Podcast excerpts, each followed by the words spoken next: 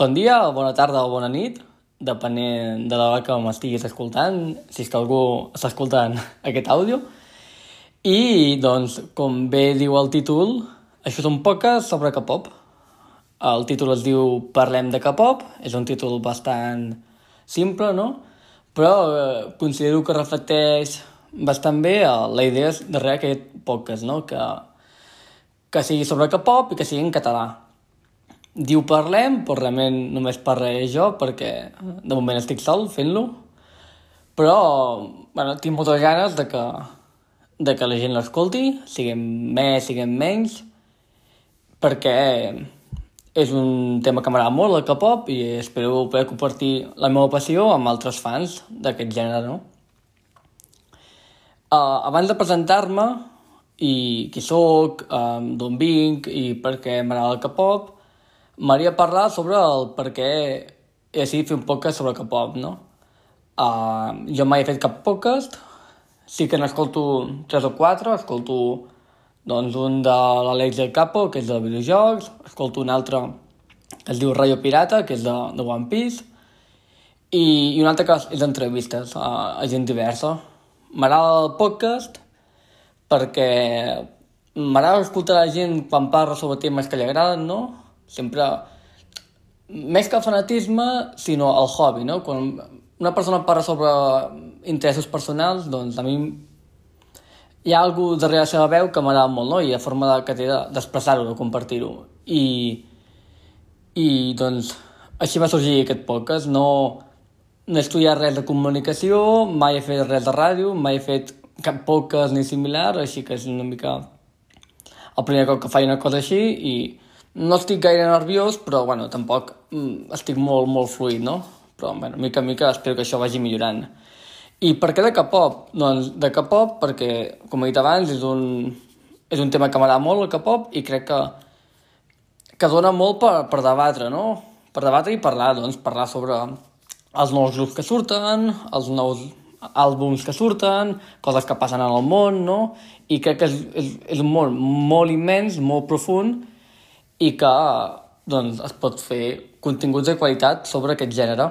Um, gènere musical, moviment social i un musical, no? O, o, o l'amor, no? Depèn de... Cadascú considera que el K-pop és una cosa diferent, hi ha algú que dirà que és l'amor de la seva vida, altres diran que és doncs, un gènere de música, jo crec que és un moviment. És un moviment perquè va més enllà de la música, sinó que és un moviment, o sigui, mou masses, el, el món idol sempre ha mogut masses, i el K-pop està en un creixement increïble arreu, arreu del món, i, i per això crec que està bé però d'aprofundir no? amb, amb, aquest, amb aquest món. Vale, doncs ara em presentaré una mica, ja que és el primer episodi. La meva idea amb, amb aquest podcast és, és fer-lo setmanal. Estaria bé fer-lo el dilluns, l'estic fent un dimecres, però perquè ha sorgit així, però espero fer-lo els dilluns, no?, I, i repassar tot el que ha sigut la setmana abans, perquè cada dia surten notícies i, i grups de música treuen, bueno, grups de pop treuen música, treuen àlbums, així que contingut n'hi ha, i m'agrada que sigui setmanal perquè m'agrada, doncs, tenir, no?, aquella cita setmanal amb el podcast que jo escolto i, i és el format que a mi m'agrada més. La durada, no hi ha una durada determinada, m'agrada que siguin llarguets, llarguets, bueno, que, cadascú dirà que una llargada és bona o dolenta, no? Per mi una llargada d'un poc és que m'agrada que sigui 30 una hora de minuts, 30 minuts una hora, perquè que et doni temps de desenvolupar, perquè tampoc es faci etern. Però ja veurem com avança. I doncs començaré presentant-me. Jo em dic uh, Ricard, sóc un noi un jove, més ben dit, de 24 anys, que viu en un poble al mig de Catalunya, a una hora de Barcelona, però ben bé al mig de Catalunya. Eh, es veu Montserrat, la casa meva. I doncs he estudiat una carrera a l'UB, i ara estic fent un màster a la UAP, vaig fer la carrera de Sociologia, i estic fent un màster a, doncs, a la UAP sobre urbanisme. I doncs um, com vaig conèixer el K-pop, no? que també és important aquest, saber el bagatge de la persona que, que parla. El K-pop el vaig conèixer el 2011, em vaig ficar, em vaig ficar al K-pop 2007, la vaig conèixer molt abans, amb Girls' Generation, no? Alguna cançó que sonava molt l'any 2010, 2011, però ficar-me, ficar-me al 2016, a partir de... a partir de, de Twice i de Big Bang, no? Vaig escoltar una cançó del seu Hongrí, que, bueno, parlar de Hongrí ara és com mica pecat, no?, perquè va sortir tot l'escàndol aquell de, de prostitució i de drogues, i, bueno, un, un drama molt gran, però sí, sí, vaig escoltar una cançó de Hongrí, em va molt, la de Got a Talk to You, que és, crec que és el seu segon àlbum, en solitari, o el primer, i vaig començar a escoltar molt Big Bang, i també recordo veure el videoclip de Twice, el de Titi, que per mi és a gustos personals, una de les cançons més increïbles que hi ha en el món del K-pop, o sigui, aquella cançó ho té tot. I, i doncs, mica en mica vaig començar a escoltar grups, no? Pues, Big Bang, Twice, BTS, Blackpink... I després ja te'n vas cap a altres grups, no? He escoltat bastants grups i bastant... bueno, ha alguns soloist, no? Alguns cantants en, en solitari. I, i això, de mica en mica, vas escoltant grups més antics, grups més nous, grups que van sorgint ara, no? Doncs, per exemple, el Serafim pues, també l'he escoltat, o, o també Shiny, no? Per exemple, Shiny també m'agrada molt, Shiny, una mica de, de tot l'espectre del K-pop, no? Ja, com ja sabeu, i si no ho sabeu, doncs, així en modo ràpid, el K-pop va per generacions, ara mateix estem a la quarta generació, um, no hi ha un motiu o sigui, la generació no va per anys, sinó... No sé, ben bé no sé per què es divideix en generacions, o sigui, en quin, quin és la, el fet que fa canviar d'una generació a una altra. Pot ser que sigui un canvi en l'estil musical o, o que sorgeixi un grup que canvi la indústria, no? Um, per exemple, la tercera generació, a partir d'EXO de, i també el creixement de BTS, doncs Eh, jo crec que és un dels motius i la quarta doncs, comença a farà 2017, 2018, no fa gaire la quarta. Però no, no hi ha... No, és com la història, no? La història sí que a vegades hi ha moments claus que fan passar d'una època a una altra, però la generació de K-pop és, és algo més per part dels fans, no? Que diuen, va, estem a la quarta generació, per com és... No sé, per exemple, hi ha molts grups de noies, no? O, o estan, estan debutant molts grups de noies, doncs, hòsties, eh, pues, està passant alguna cosa, no? I és un canvi respecte a la tercera generació, que sobretot eren molt, molt de nois. Doncs, això. I així vaig començar el K-pop. Cadascú té els seus inicis. Hi ha gent que de sobte a YouTube li recomana una cançó, bueno, un videoclip de BTS, li agrada molt, si l'escolta diu, oh, això està bé, els nois són guapos, i comença a escoltar K-pop així i només escolteu BTS, o hi ha gent que escolta BTS i, i comença a descobrir altres grups. Hi ha gent que té amics que són molt fans d'aquesta música i intenta doncs, convèncer-los perquè també entrin en, en la secta no, del K-pop i s'acaben ficant. I, bueno, jo he intentat amb tots els meus amics, la meva família, i no, no ho he aconseguit, però bueno, almenys ja saben els noms dels grups i d'algunes nois i noies perquè no paro de parlar d'ells. I per això faig poques, perquè m'agrada molt parlar sobre K-pop, perquè, jo sé, l'altre dia va sortir el disc d'Espa, no? Pues m'agrada dir-li molt Miquel, t'ensenyo el videoclip, mira que guapa que és la Winter, i, i la cançó pues, està molt bé, no?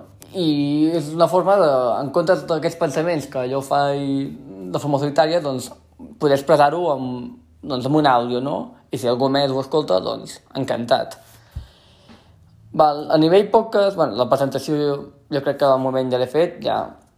Si aquest projecte avança, doncs ja m'anireu coneixent més, perquè en mesura que vagi parlant sobre grups i sobre altres coses, doncs, aniré aprofundint més sobre què m'agrada, què no m'agrada i, i el que jo crec. I, bueno, i d'això, no? De, de nivell musical no en tinc gaire idea, ni de música, ni de... Doncs, de, jo què sé, per exemple, el podcast, no sé si es poden fer comentaris, si, si es poden ficar comentaris, o si es pot ficar cançons. M'agradaria ficar cançons, no? Per exemple, si estem parlant de nova cançó d'Espa, doncs poder ficar un tros de la cançó, però no sé si a nivell de copyright es pot fer, així que de moment prou, o sigui, no es farà. I és una pena que no sigui en vídeo perquè podria si estem parlant d'un grup, doncs podria posar doncs, la portada del nou àlbum o, de, o, o, o els nois o les noies, però amb àudio això no es pot fer. Però bueno, es, sempre es pot buscar, no? Si algú està molt interessat en el, en el disc, doncs o es pot penjar en alguna, d'alguna forma, això ja es veurà. I poca cosa més. Um, molt ràpid explicaré quin és el format del podcast que jo tenia pensat. Sempre pot canviar. Jo havia pensat de, això que he dit, no? fer-ho setmanal, i fer una part de notícies, doncs parlar de, de com està la setmana, quines, doncs, quins grups han anunciat un comeback, quins grups ja han fet el comeback, el comeback és el que, que tornen, no? que, fan un, que treuen un nou àlbum o una nova cançó, i altres notícies relacionades amb el K-pop, de grups que jo conec i d'altres que, que potser no he escoltat però que també els conec, no? Al final, es parlarà de, dels famosos, o sigui, els, els grups d'aquells que es diuen Nugu, que són els que no són coneguts, doncs els pobrets no, no surten en lloc, no? Ni són gaire... No, no, no importants, no mare importants, sinó que no són gaire interessants, no, no treuen tantes mirades, i llavors les notícies d'un grup que és poc, poc, poc conegut i que ven molt poc, doncs no arriben a... doncs no arriben a... Pues a, a tothom, no? Diguem. I no... ni a premsa ni ni altres espais d'internet. Vale, doncs l'idea és això, fer un, una recopilació de les notícies i parlar-ne una mica sobre cada, així de forma ràpida, i fer una part també que és de doncs, presentar un grup. Maria cada setmana presenta un grup. Mm, durarà el que duri perquè del grup n'he escoltat uns 20 i alguna segurament. O sigui, que semblen...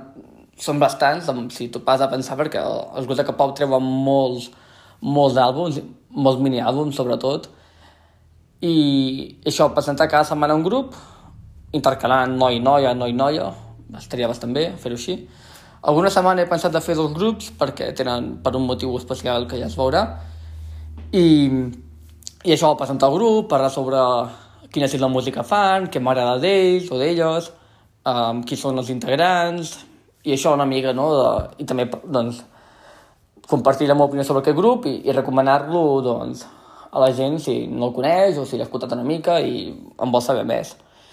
I per últim, en el podcast m'hauria fet un espai de debat, que de debat en tindrà poc perquè seré jo sol parlant, però si es poden ficar comentaris, estaria bé que la gent comentés, si té alguna, alguna opinió sobre el tema, i, i de debat de, de molts aspectes diferents. El que Pau ja ha dit, de, és un món molt maco, però també és un món bastant turbi i, i fosc i, i dona molt per davant. Es pot parlar sobre el tema de, de les dietes, es pot parlar sobre el tema de la sexualització o de que allà cada cop debuten noies més petites, sobretot noies, no? De, ara han debutat una del 2008, o està a punt de debutar, o sigui que té 14 anys.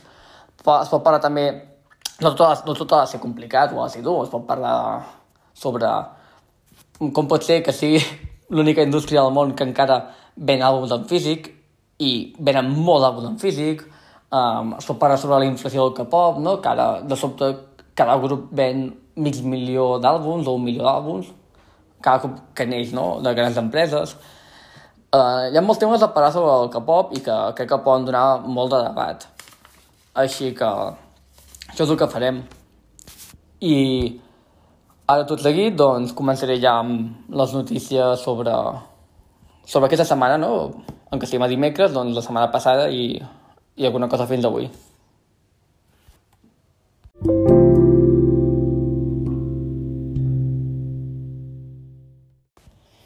Val, doncs ara començarem la part de les notícies. No ho he dit abans, però el faré en català perquè és la meva llengua principal i crec que fer un castellà tindria com més arribada, o molta més gent, però em, em seria bastant complicat, um, perquè jo el dia a dia faig servir català i per fer um, tota la feina de la universitat i, i tot, així que no em sento tan còmode amb el castellà com per fer un podcast. I també perquè el meu català és bastant de bastant peculiar, no? O sigui, parlo un català molt del centre de Catalunya i el meu castellà és encara més particular per aquest sentit. Um, com he dit abans, no he fet mai ràdio ni res d'això, així que el tema de parlar més lent o vocalitzar molt ho hauria de tenir en compte perquè no és una conversació amb ràpida amb un amic, sinó que ha de ser algo que la gent pugui escoltar bé. Així que mica en mica intentaré fer-ho millor. I començant ja amb les notícies, doncs tenim... Començarem amb una mica de drama, no? Perquè la Serafim, que és el grup nou de Hive, el, la, la discogràfica aquesta, l'empresa aquesta de, de BTS, bueno, i que ara, com que va canviar, es deia Big Hit, es diu Hive, i també crec que va comprar, o es va... Bueno, quan es diu amb una empresa que s'ha unit amb una altra, és que una ha comprat a l'altra, no. Va comprar una altra empresa, i ara també té, pues, té Hippen, té TXT, té... Bueno, tenia G-Friend, té From Is Nine...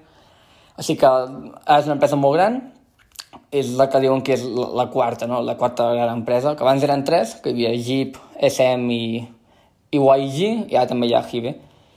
I doncs de Serafim és aquest grup que va debutar farà poc, un mes, dos, tres.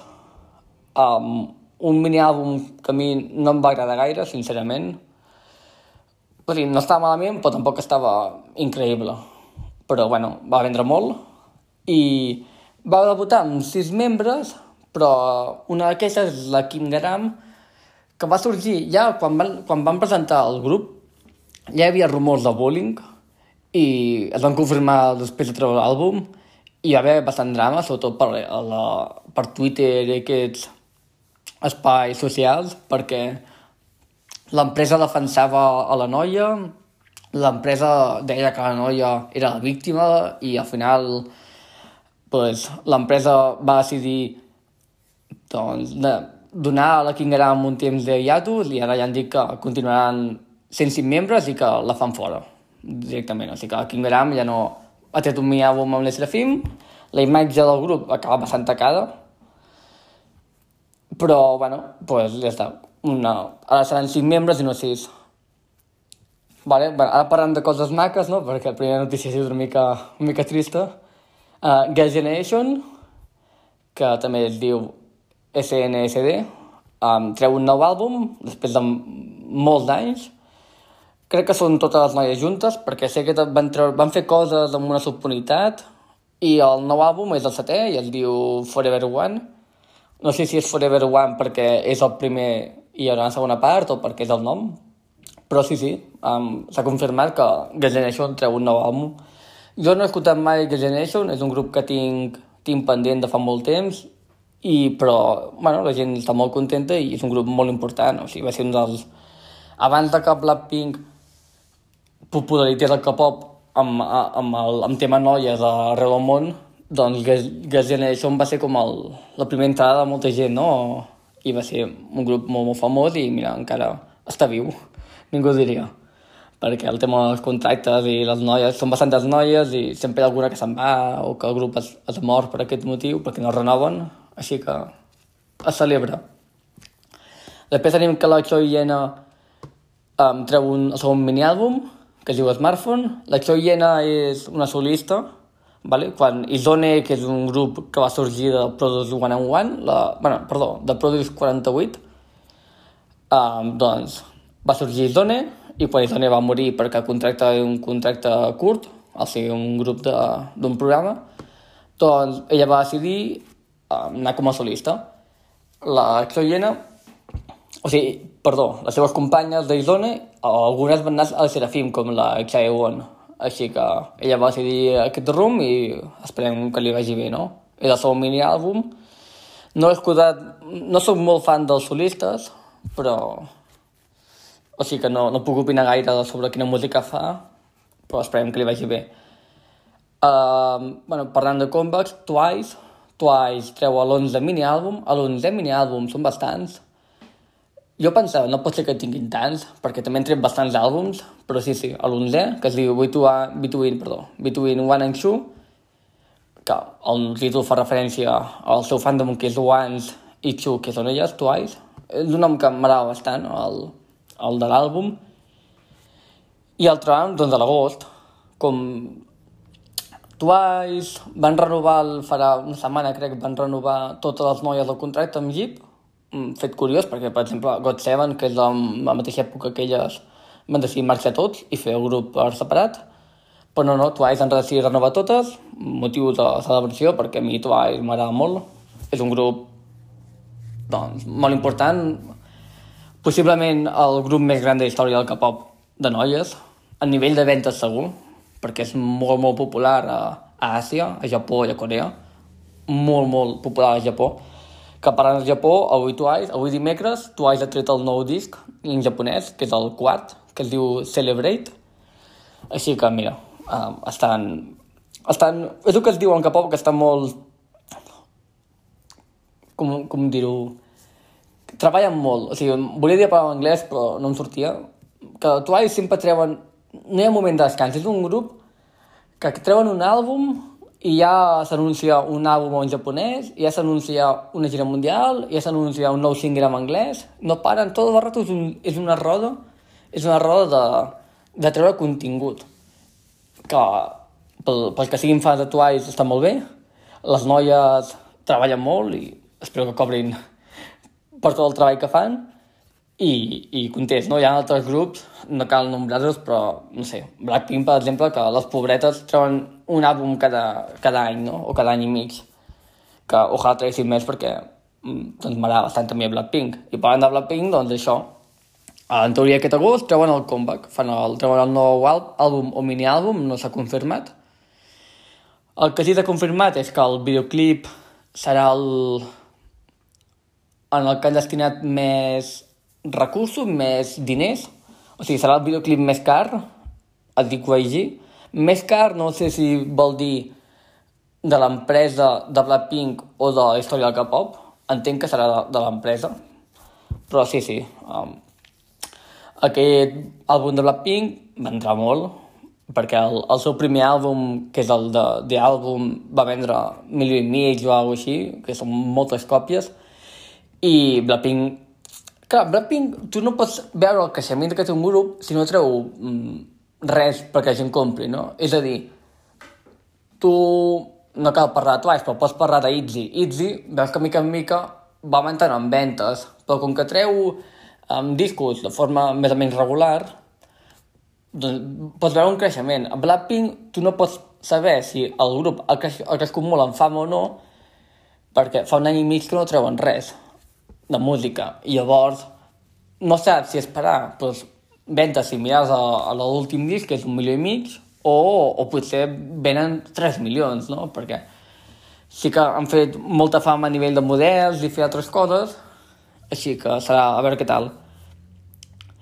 Doncs parlant d'un grup que també ha vengut un milió i mig d'àlbums, tenim a Espa. O Espa va debutar... bueno, va debutar, perdó. Va treure el segon disc farà poc, farà dues setmanes, el 7 de juliol, crec que va ser, que es diu Girls, i, i aquest àlbum nou d'Espa, doncs, bueno, aquest mini-àlbum ha vengut molt, ha vengut en preordres hi havia 1.600.000 i ha vengut el que, el que no s'ha escrit. El grup, el primer mini-àlbum va vendre mig milió de còpies i aquest ha vengut, doncs, el triple o més. Um, algun dia es pot parlar del, de si grups de 4 o 5 noies triomfen més que el de més noies? Mm, sembla que sí, perquè si veus tots els grups que debuten ara de noies són de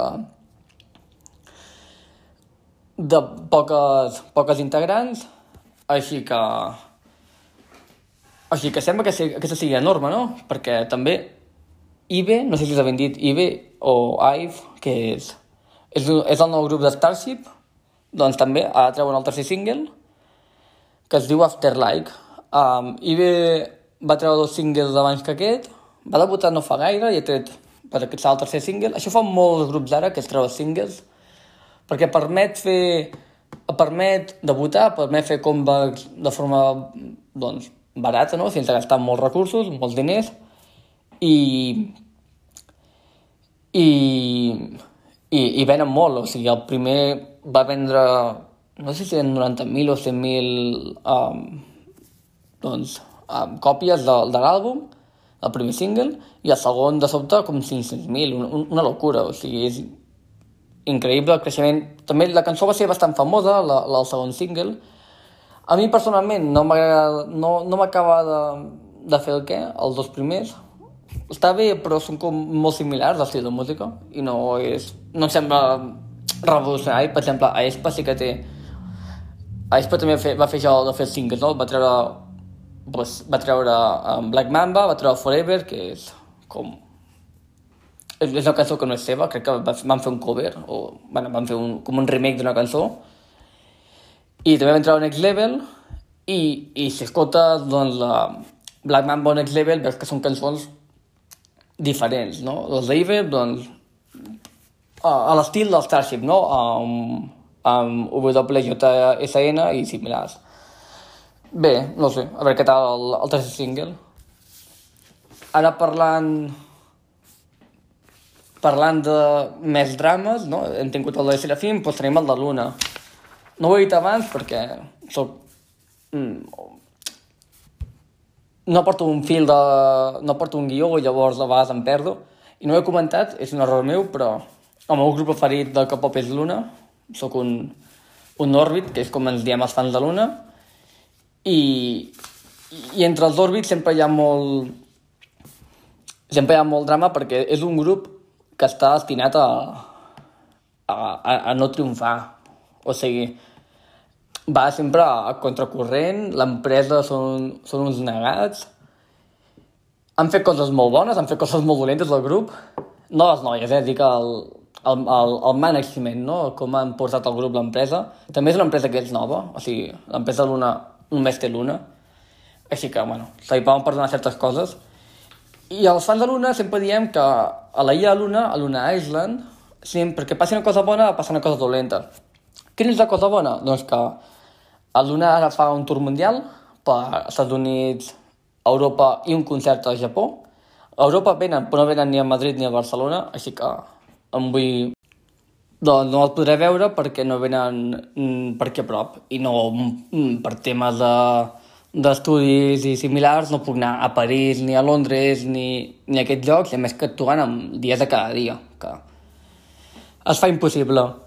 I, com diem, als fans de Luna hi ha coses bones i coses dolentes perquè, clar, fan un tour mundial, Paula Chu, que és la, la noia més famosa de Luna, a nivell de popularitat és la més famosa, no? És més, jo crec que és més famosa Chu que Luna en si, a Corea, perquè Luna és un grup molt famós internacionalment, però a Corea la Chu és molt, molt, molt, molt, molt més famosa que, que Luna, i doncs la Chu, per temes de que està, té, com dir-ho, té, té activitats programades, no? Doncs no sé si són anuncis o, no sé, fer d'actriu en un drama o o el que sigui, doncs no pot anar a, a aquesta gira. O sigui, l'una estarà tot el mes d'agost i quasi tot el mes d'Europa, o sigui, Europa, perdó, quasi tot el mes de setembre a Europa i a, i a, i a Japó i a l'Axu doncs, no n'hi ha cap concert.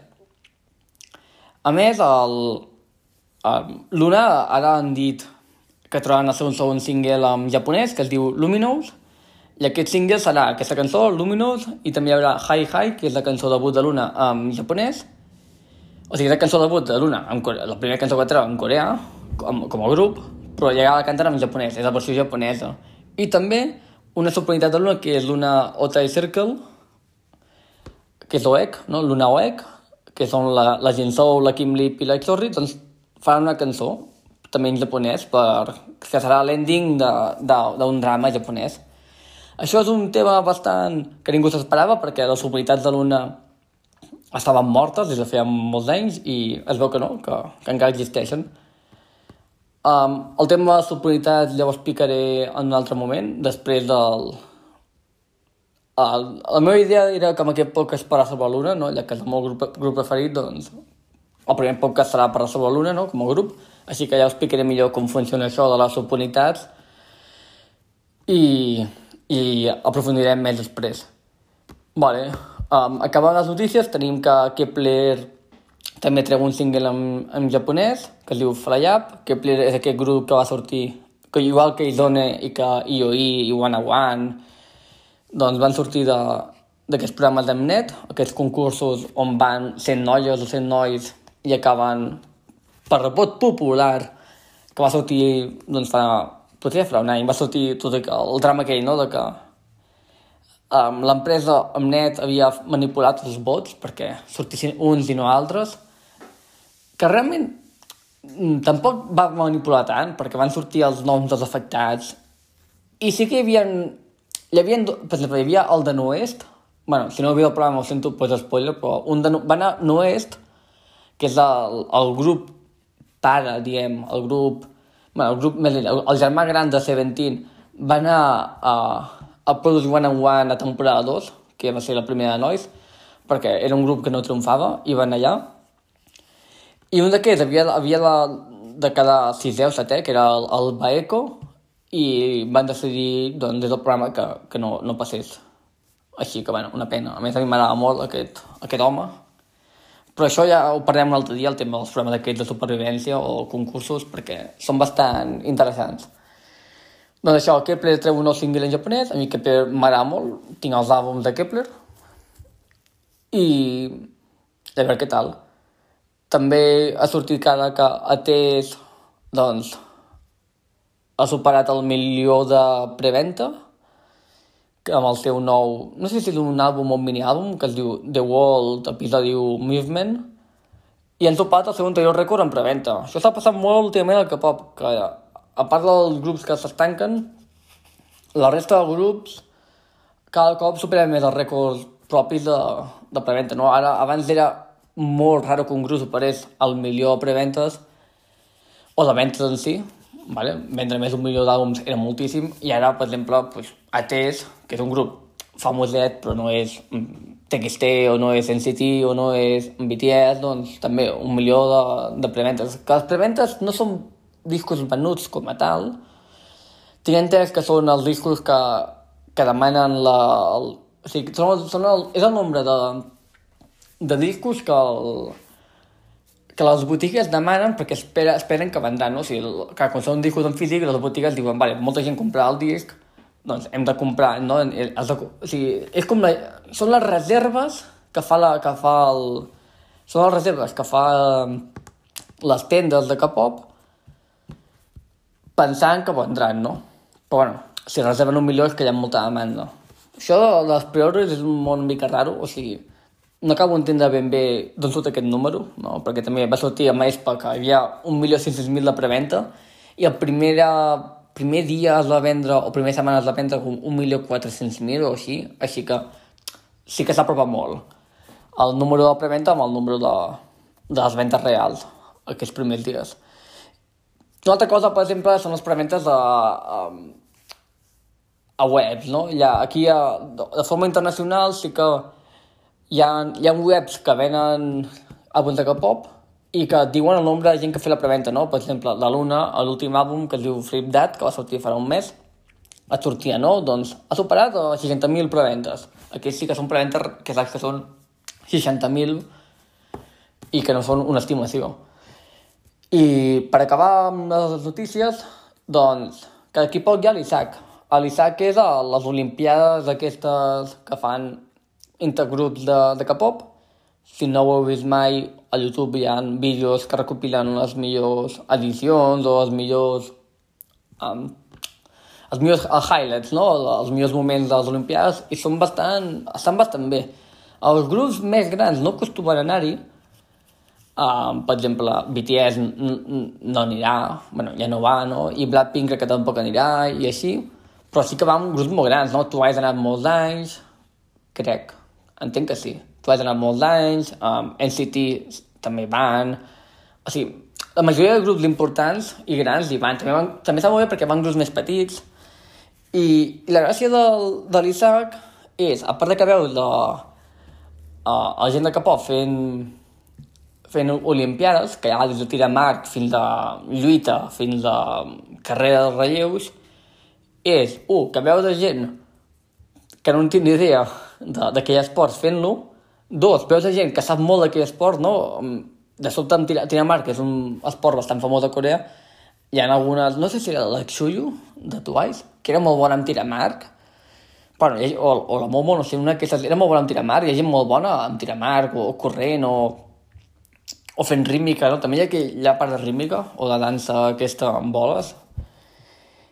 I tercer punt important que té l'Isaac és que entre les nois i les noies dels diferents grups interactuen, que sempre fa gràcia quan el, el teu grup preferit doncs parla amb un altre grup, perquè, i perquè ell, ells i ells es coneixen, no? o sigui, al final són gent jove, no?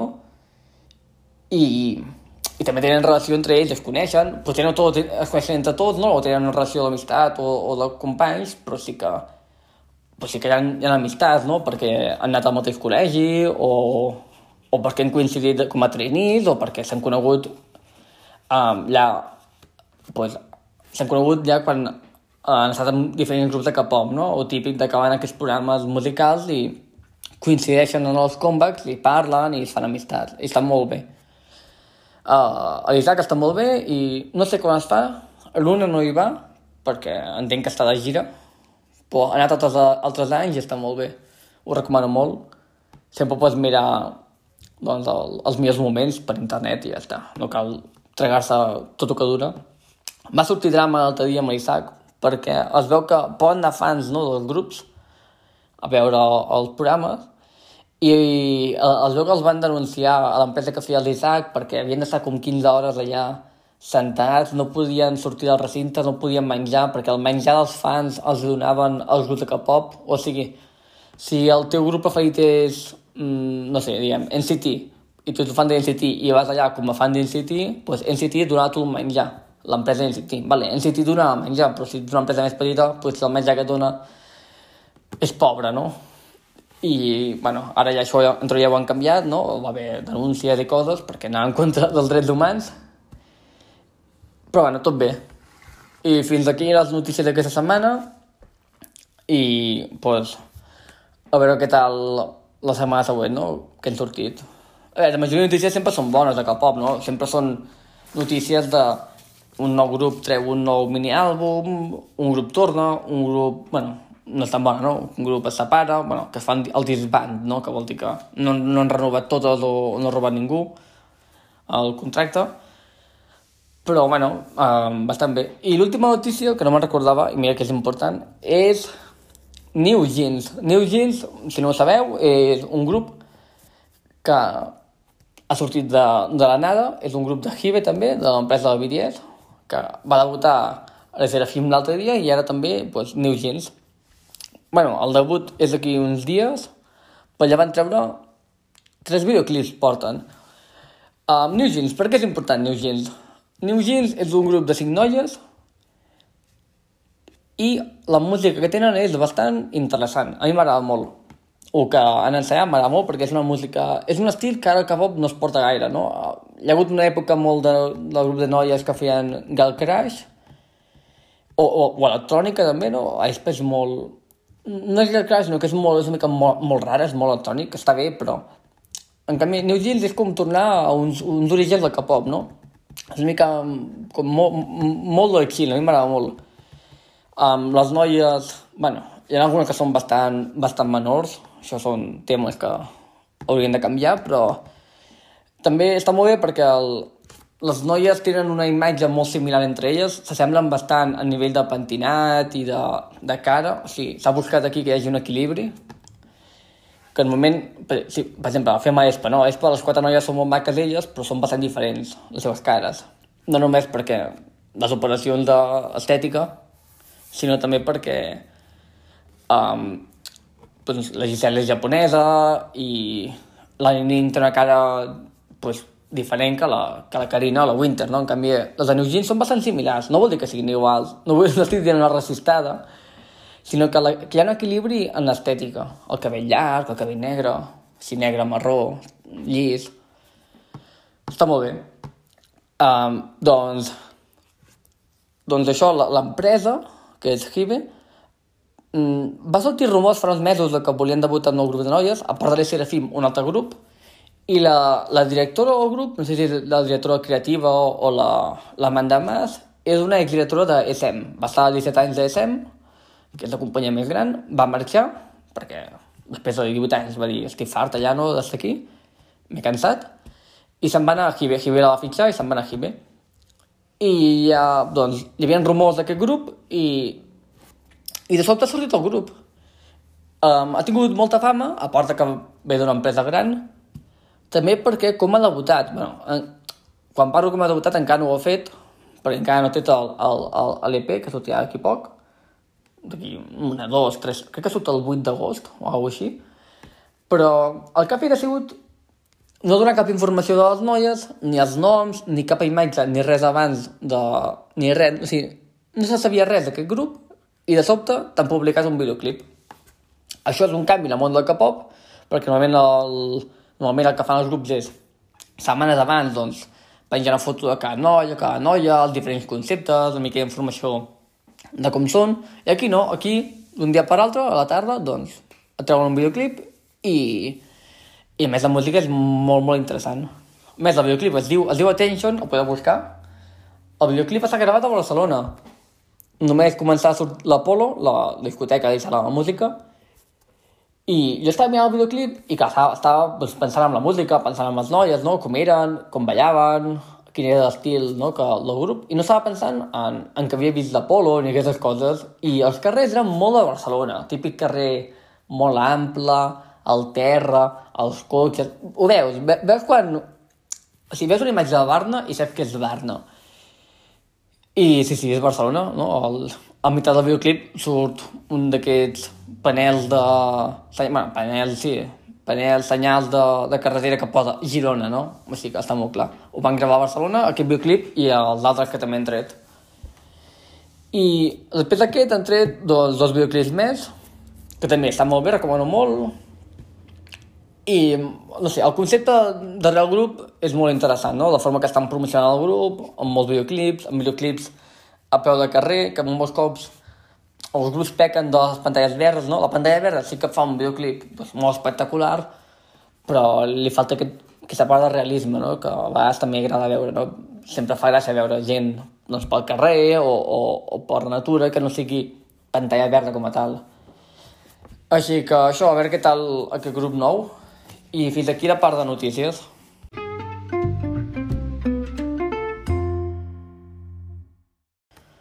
Val, doncs ara parlem del grup d'aquesta setmana, que és Luna. He triat Luna perquè és el meu grup preferit i, i perquè per començar està bé, no? No és el millor grup per parlar el primer dia perquè és un grup bastant complicat, però a veure què tal em puc explicar. Uh, per qui no ho conegui, Luna és un grup de 12 noies. Són 12 noies, el va crear Blockberry Creative, que és una empresa germana de Pledis Entertainment, Pledis mm, potser algú li sona més, no? perquè té grups de noies també famosets, i l'empresa mare de Blackberry Creative és una empresa que fa armament militar, vol dir que té molts diners. L'una és un grup que té molts diners? Sí. L'una és un, un grup que té pocs diners? Sí. És a dir, l'una és un grup que mai se sap si són rics o són pobres. I això en parlem després. Vale, doncs, ho típic, per què es diu Luna? Va, Luna és el nom internacional. En coreà es diu Idalio Sonyo. En coreà no és perfecte, però... Idalio Sonyo. Què vol dir? Vol dir la noia del mes. Per què la noia del mes en coreà?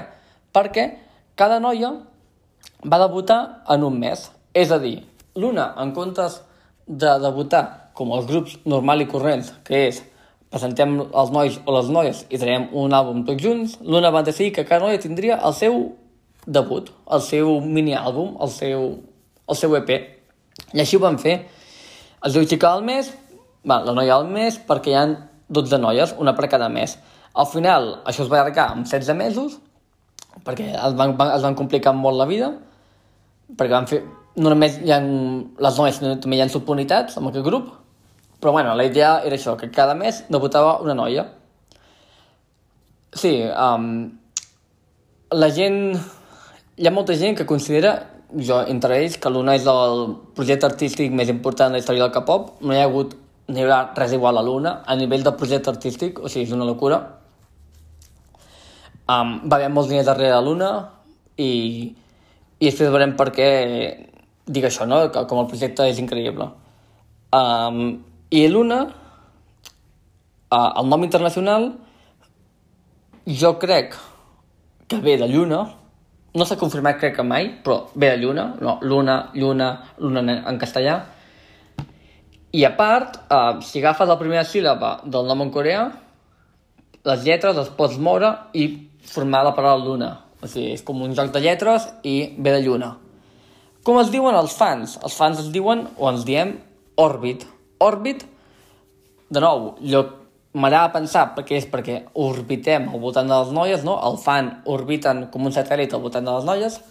Um, L'explicació oficial és que ve de O-bit, en coreà, la O significa lluna i bit significa llum. Per tant, els fans són la llum que il·luminen el, a les noies, no? A l'una.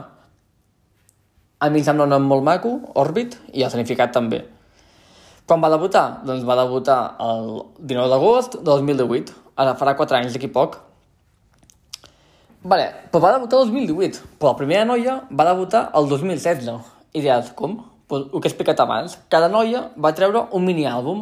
Aquest mini-àlbum tenia dos o tres cançons i cada mes sortia un. La primera noia va ser la Heijin, la segona la Hyunjin, la tercera la Haseul, la quarta la Jeojin.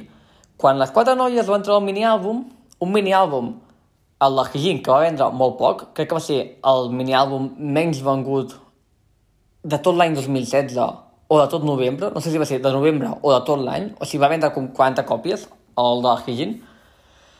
Um, quan cada noia no havia debutat en si, perquè no van anar, no van anar a cap programa musical d'aquests on canten, però quan hi havia quatre noies van decidir fer una subunitat que es diu Luna 1 partit 3 en aquesta subunitat estava la Hijin, la Hyunjin, la Haseul i, en comptes d'estar la Jeojin, estava la Bibi. La Bibi és la cinquena noia de l'una, però que encara no havia tret el seu mini-àlbum. I diràs, que raro, no? Um, la Jeojin té 14, bueno, tenia 14 anys en aquell moment i els rumors diuen de que a nivell, per culpa de que traiem les notes i, i que dedicava molt temps al tema del grup, no? Doncs va haver de, van haver de, de, de votar abans a, a la cinquena noia amb aquesta oportunitat perquè la Georgine doncs, estava molt enfeinada amb el col·legi. I això pot semblar una broma, però bueno, no és cap broma. Doncs l'Uno 1 per 3 treu un mini-àlbum i fa un debut stage. bueno, uns quants. És a dir, sí que canten amb aquestes paraules musicals. Ja el primer debut oficial oficial és amb l'una partit 3. Treuen un mini-àlbum i treuen un àlbum repackage. Això que fan els grups de música que pop, de treure després d'un àlbum, un mateix àlbum amb dues cançons més, i te tornen a vendre. Vale. Després de l'una partit 3, doncs, la Bibi treu el seu mini-àlbum i la Kim Lip, la Jin Soul i la Exorri treuen el seu àlbum particular, cada una. I aquestes tres noies fan una nova subunitat, que es diu Luna Oek.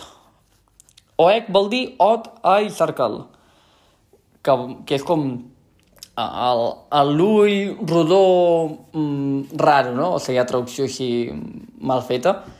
Es diu així per motius de lore, perquè l'una és un d'aquells grups que tenen lore. Cada videoclip i cada cançó eh, explica una història en conjunt, no? Per això se li diu a l'una The Avengers of K-pop, les vengadores del K-pop, perquè és com, és com el, el Marvel, no? que tenen cada pel·lícula per separat i que totes estan unides, doncs el mateix passa amb l'una.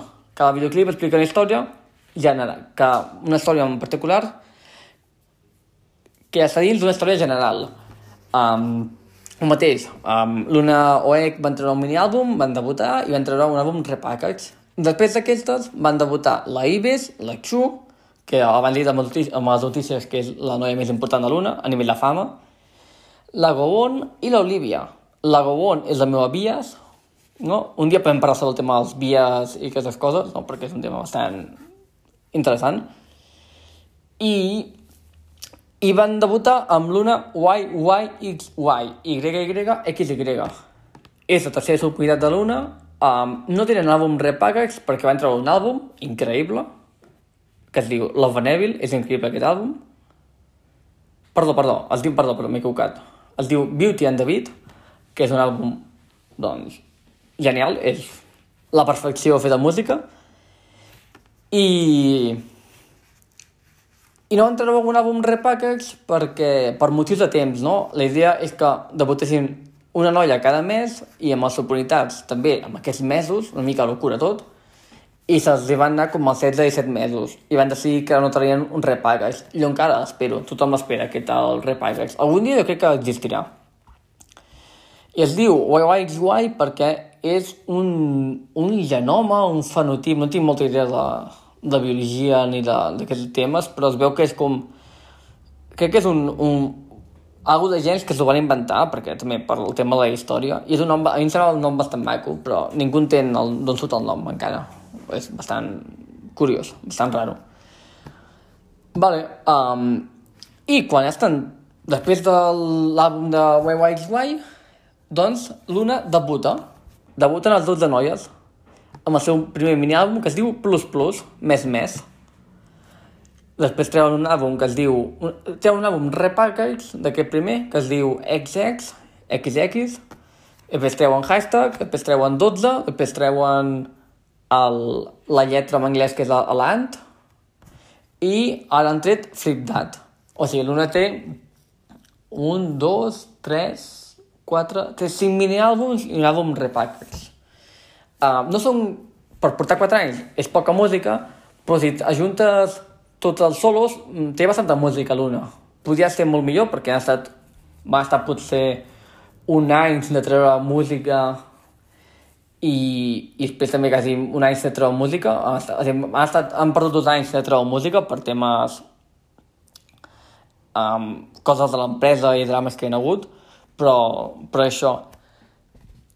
Vale, um, les vendes de l'una. L'una, el primer minàlbum ven 40.000 50.000 còpies, el, acabava venent uns 70.000 o així al final, amb, així, amb, tot el, amb tota la durada del mini àlbum, i ara l'una doncs, ha vengut a l'últim uns 180.000 còpies.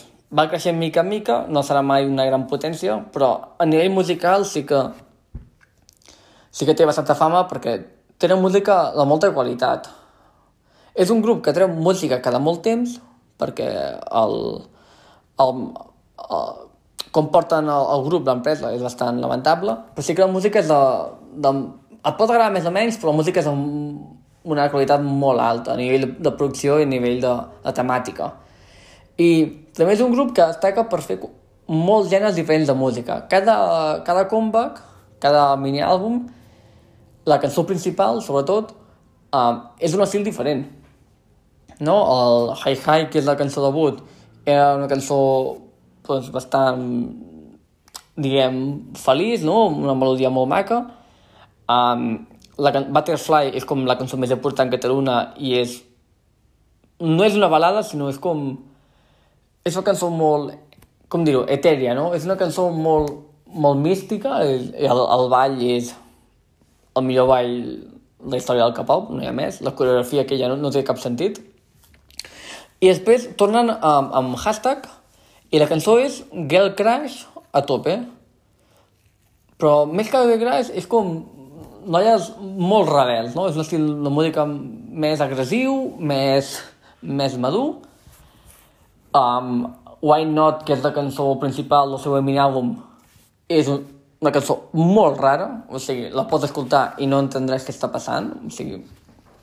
A més, va participar en aquest, en aquest mini-àlbum, va participar al l'Esoman. L'Esoman és el, el president de ESEM. El president d'ESEM, només un cop a la història, que sàpiga, només un cop a la història ha fet algo fora d'ESEM i va ser aquest disc d'alguna.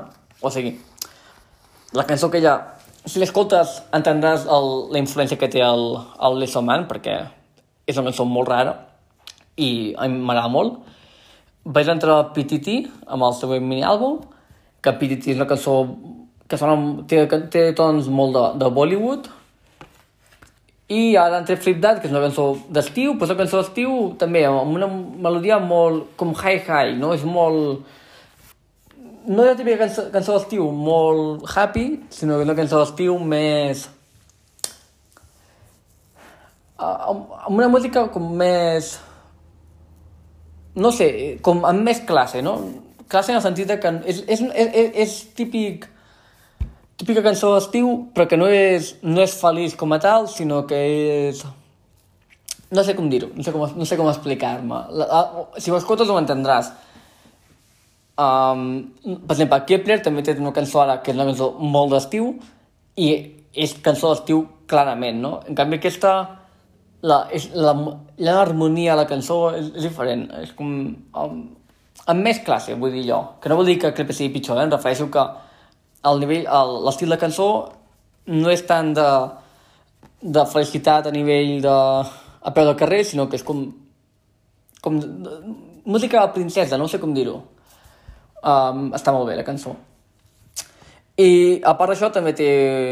van debutar en, en Japó amb un single, que és Hula Hoop, una cançó bastant, bastant alegre, mm, a mi m'agrada bastant, i també el videoclip és, el, sobretot el ball és, està molt bé, i la recomano molt.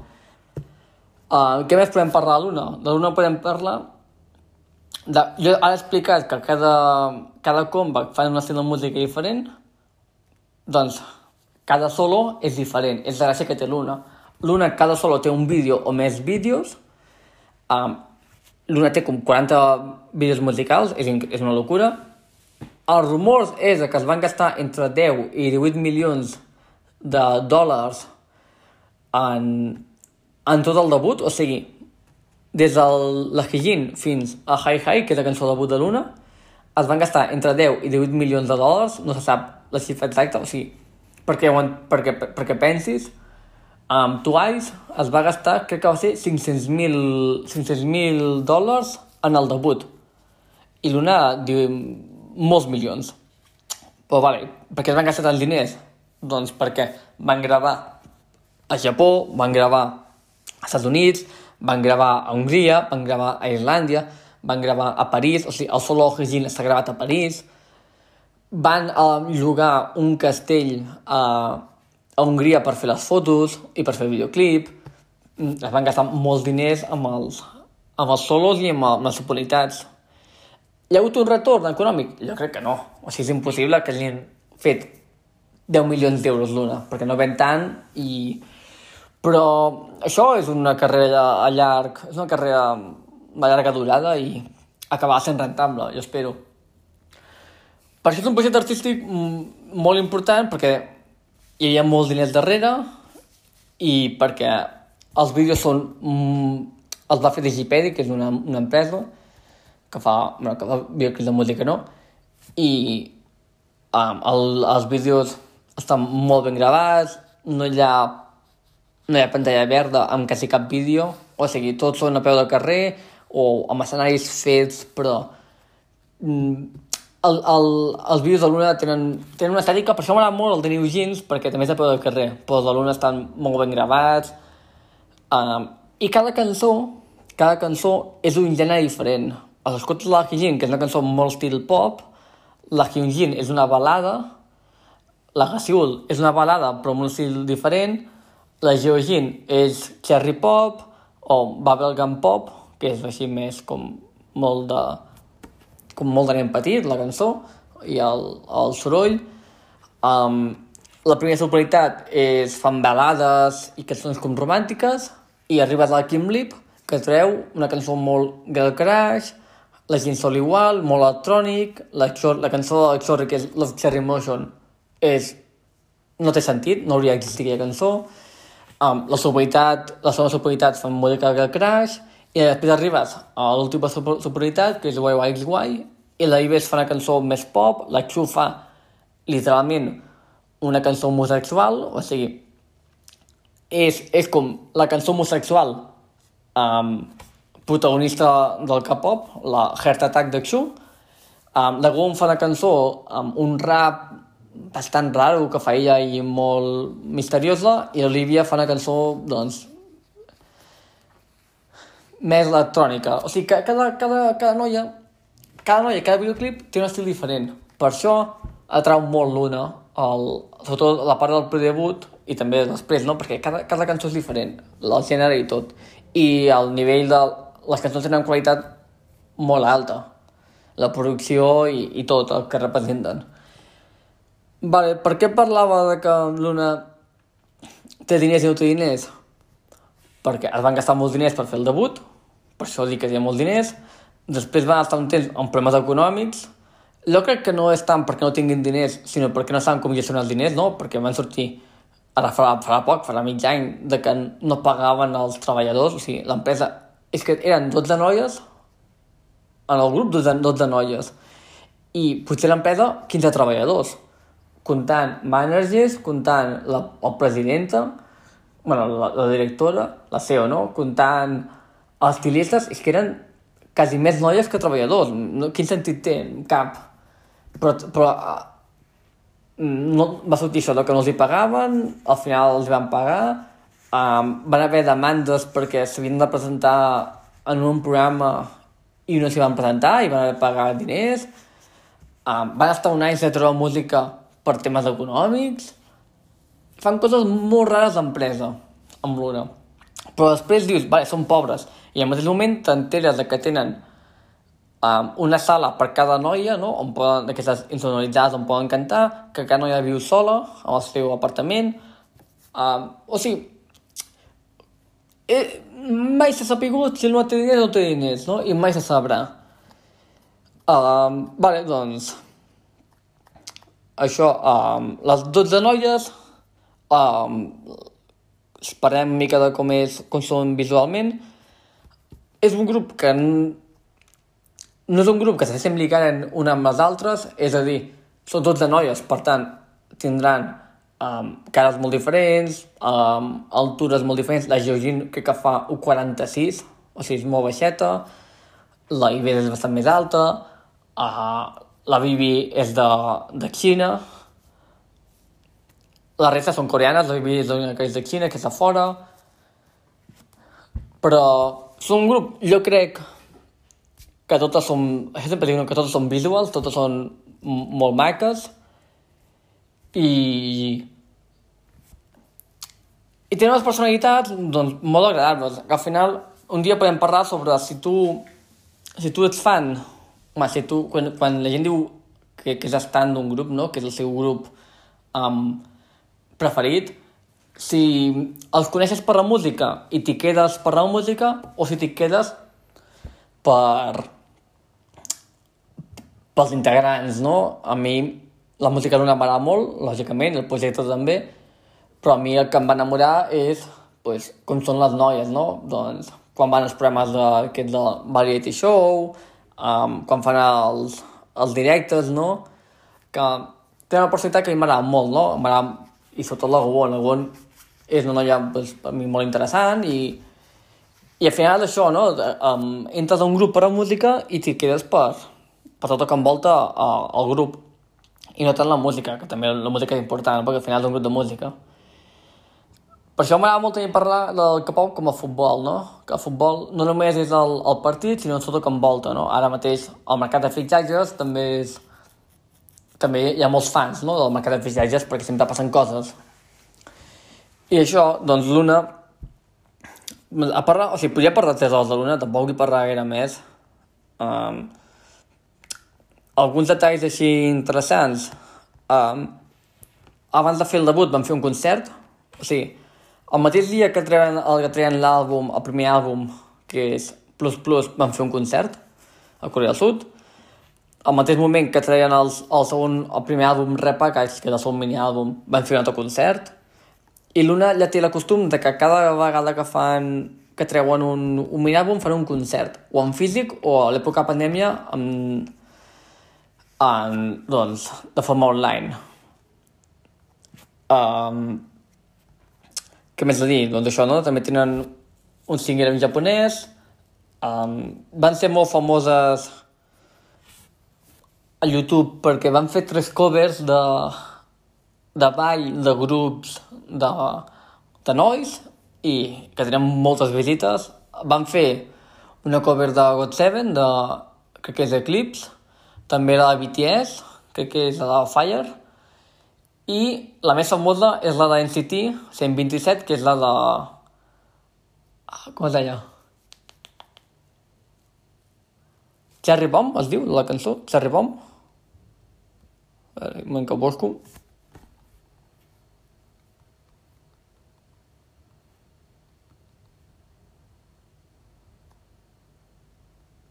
Sí, Cherry Bomb. Doncs van fer una cover de Cherry Bomb, de ball, que té... va ser molt famosa. Els de NCT 127 han parlat sobre aquesta cover, que els agrada molt. Bromejaven de que ho fan millor que ells. A veure, no fa... O sigui, és diferent, no? El Taeyong el Taeyong balla molt bé, això no... Ningú ballarà millor que ell, de l'una. Però sí que l'una... Una cosa que... Per això... Una fama que té molt l'una és que és un grup que fa coreografies molt... amb molta sincronització. O sigui, es sincronitzen molt bé. Um, fan coreografies amb tots de noies, que són molt espectaculars perquè són moltes noies, i van totes alhora. Um, no és la típica... Molts cops els grups de noies pequen de ser o poques noies o de...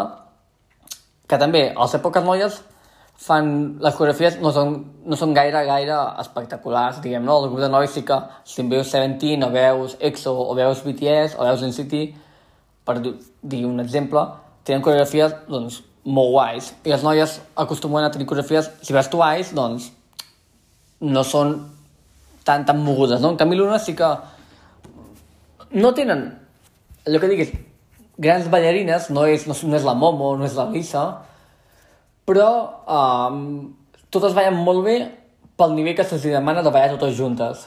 I fan uns balls que altres grups potser no podrien fer, no?, a aquest nivell. No sé com dir-ho, que el nivell general és bastant...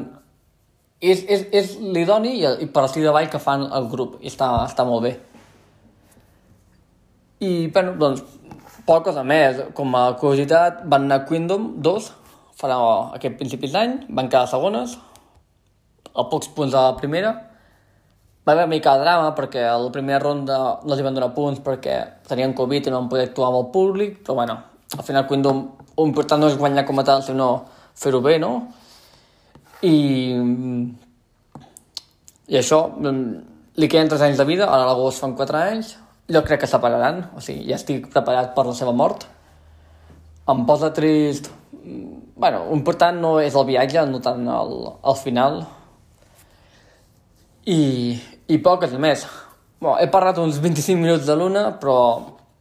És a dir, podria parlar 3 hores més de l'una. Tampoc sé gaire més que dir ara mateix i tampoc em vull allargar molt. Amb altres grups que parli no parlaré tant perquè no és el meu grup preferit no el domino tant, però amb aquest sí que a part que té molta exigència, no?, per tot el tema del, de, del debut i tot, doncs m'he recat bastant. Ho he dit uns quants cops, però uh, si algú li interessa pot mirar els videoclips de YouTube, no?, busques l'una All Music Videos, sortiran des de Hijin fins l'últim vídeo. Si tens 4 hores de la teva vida que no saps què fer, te'ls pots mirar i t'acabaràs enganxant al grup, no?, perquè quan, quan passis de la primera superioritat a la Kim Blip, fliparàs fliparàs i molt i no entendràs el que estàs veient. I poca cosa més. Ara passarem a l'últim tema del debat i, i final del primer podcast. Doncs per acabar el primer podcast, que me tonteria ja porto quasi una hora, mm, bueno, com he dit abans, m'enrotllo molt amb l'una i, i podia parlar molt més, però bueno, és el primer capítol també, el primer episodi, així que em perdonareu. Um, farem un tema de debat. El tema de debat que he triat uh, aquesta primera setmana és si els grups de noies estan de moda.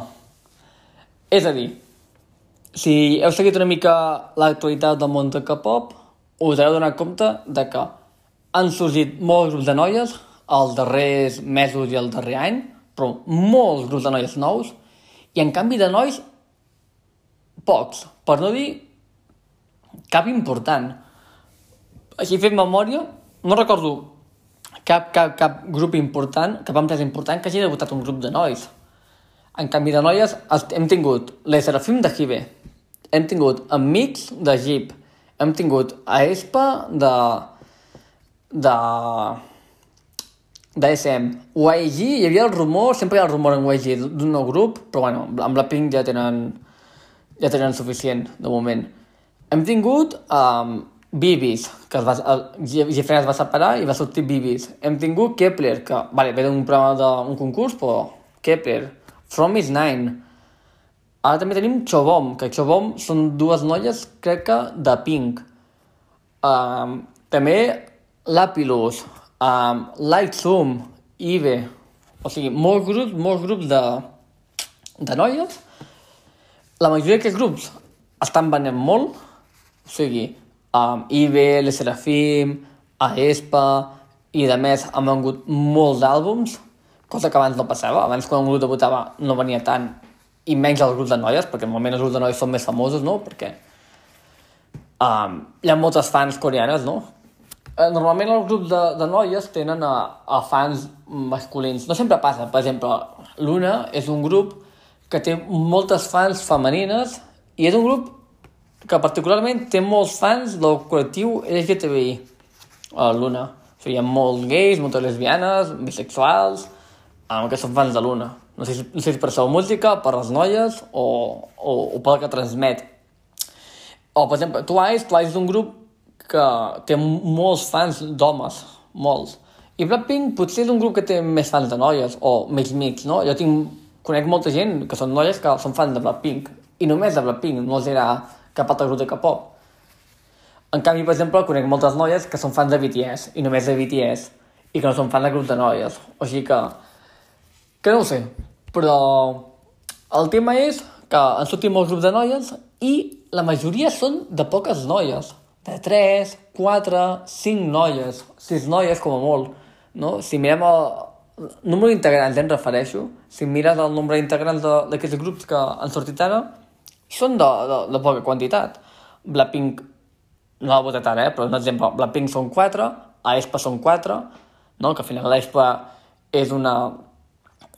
és, el, és la resposta de, de SM a, Blackpink, una mica tard, no? Perquè la resposta en teoria havia de ser Red Velvet i Red Velvet, la música Red Velvet no era la, la música del moment, no? Això és un dat per un altre dia, però Red Velvet va sortir en un moment... Red Velvet era com molt, era com molt Girls' Generation i, i potser FX havia de ser la resposta a Blackpink, no Red Velvet. O, més que resposta a Blackpink, sinó no és el, el que el públic demanava en aquell moment, no? Que és la música. Que sí que és a ESPA, clarament. I, pues, i bé, són poques. Què sí que són, són nou, però perquè venen en un programa musical, això és trampa. Però les Serafim ara són 5, abans eren 6, o sigui, no és com els grups de nois que són 10, 11, 12, 13... Són bastant... Normalment els grups de nois són bastant grans. Um, bueno, no tots, no? Que ser són, són 5, però... Però sí, no, el, el típic grup de noia, de moltes noies, no hi és. L'una són moltes, són 12. Seventeen, que és un grup de nois, com diu el seu nom, són 13, no? Seventeen, 13 nois, clar, com, com el grup de... Com el, com el nom ho indica, no? Que són 13 nois però EXO també eren bastants, BTS són 7, NCT són 23 o 24, no? Si comptes el Lucas i algun altre que em perdo el, amb el nombre final, però... Però sí, no sé, um, podem pensar el... No, en aquest espai de debat podem pensar per què, per què tants grups de noies? Mm, doncs no sabria dir un motiu exactament, perquè o sigui, els grups de noies, els grups de nois venen molts àlbums, Seventeen uh, ven més de 2 milions d'àlbums ja, TXT també està quasi als 2 milions, NCT ven molt també, un milió i alguna dos milions, BTS ven molt, EXO no ho sé perquè no treuen res, ja fa molt temps. Però els grups de nois venen, venen. Mm, hi ha una demanda del públic cap al grup de noies? Mm, pot ser. Potser és perquè ara està molt, molt de moda que les noies... que els grups de noies famosos facin activitats extramusicals, és a dir, um, anuncis, um, facin de models per revistes de moda, no? El Blackpink ha obert, ha obert, ha obert la porta a tot un, a tot un, un sector econòmic que estava una mica mm, paradet, no?, en el món del K-pop. Blackpink, llegint la broma que es diu Blackpink que són, són models, que no són idols, sinó que són models, perquè sempre estan amb marques d'aquestes de prestigi i fent de models, i anant a, pues, a París i, i, aquells llocs on fan on desfilen el, aquestes marques de roba. I, i a ISPA també, si, si ens hi fixem, el, el primer any van trobar tres singles, però van guanyar molta fama, doncs això, sortint en revistes i similar, i potser és un dels motius pels quals debuten poques noies i, um, i debuten amb noies, no? Perquè les revistes les volen i també perquè, clar, si tens més, menys noies en el grup, és més fàcil de gestionar i és més fàcil de, de portar el grup, no? I no només de portar el grup, sinó que els fans... Això... Jo crec que això li passa a molta gent, o a mi em passa almenys, que quan un grup té quatre integrants, és més fàcil que t'aprenguis els noms, que t'atraigui al grup, que no quan són 12 o 13, no? I jo recordo, a veure, no em passa, però jo recordo que vaig estar molt temps amb l'una, que sempre que sortia una, una noia, o, una, o unes noies a la pantalla del meu mòbil o del, no sé, de l'ordinador o de la tele, deia els noms en veu alta, no? Per recordar-me dels noms de les noies i de les cares que tenia. I mira que són bastant diferents, cada una de les de l'una. Però són tantes noies que et perds, no? I com que canvien de pentinat a cada comeback, et perds. I això passa amb Seventeen. Allò, el Seventeen, mmm, pues ara l'estic escoltant, estic ja per... Uh, per Ataca, que és l'últim mini-àlbum que van treure, i, Seventeen, conec el Hoshi, conec algun més, però són tants nois que més quasi impossible que m'aprengui els noms, no? Hi ha la broma, hi ha la broma entre els fans d'NCT de que no se saben els noms de, dels nois, perquè clar, són 24 o 25 o 23 nois.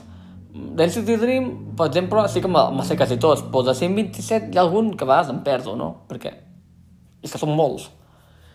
En canvi, si un grup té quatre persones, o sigui, tothom coneix a la Jenny, a la Jisoo, a la Rose i a la Lisa, no? Si t'agrada Blackpink o has escoltat Blackpink, perquè són quatre noies, um, molt diferents entre elles, i, i fàcil d'aprendre els noms, no? I el mateix passa amb, doncs, amb, pues, amb Aespa, no? La Ning Ning, la Winter, la Giselle i la Karina.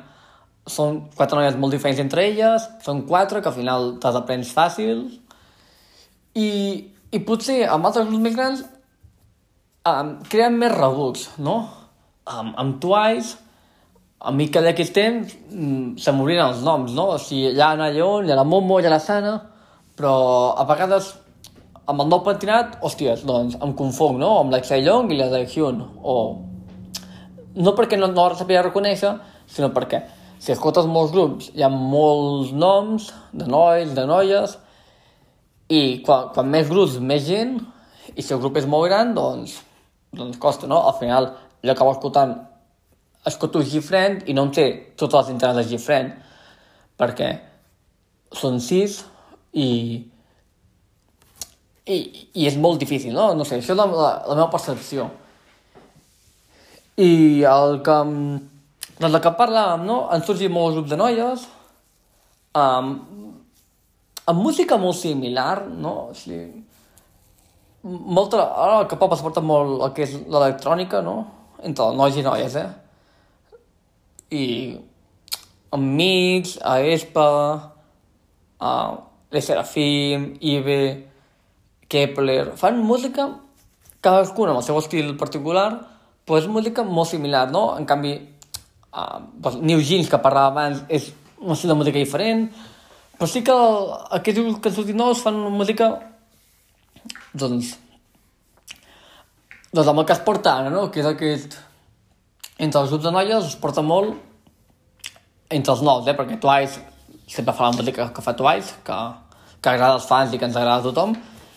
Però sí que, per distingir-se, doncs ara el, la quarta generació del K-pop fan una música com més electrònica i... i és el que es porta, no?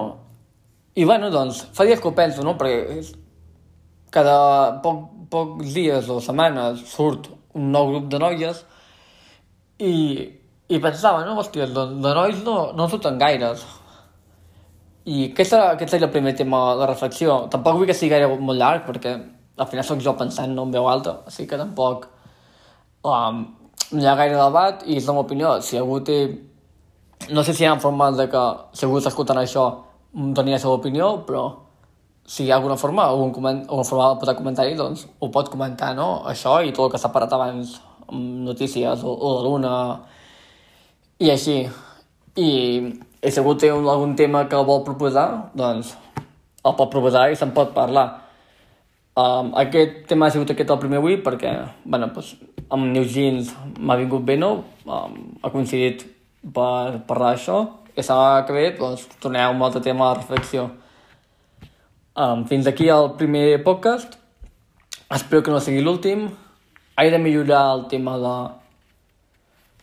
doncs de no posar tant el parlar a vegades o de no repetir oh, les coses que dic, no? A vegades em passa que dic una cosa i al cap de dos minuts torno a dir la mateixa cosa perquè eh, és com si fes pensaments dins la meva ment, no? No tant, com que no hi ha un guió, doncs això pot passar, però no, tot és mica mica.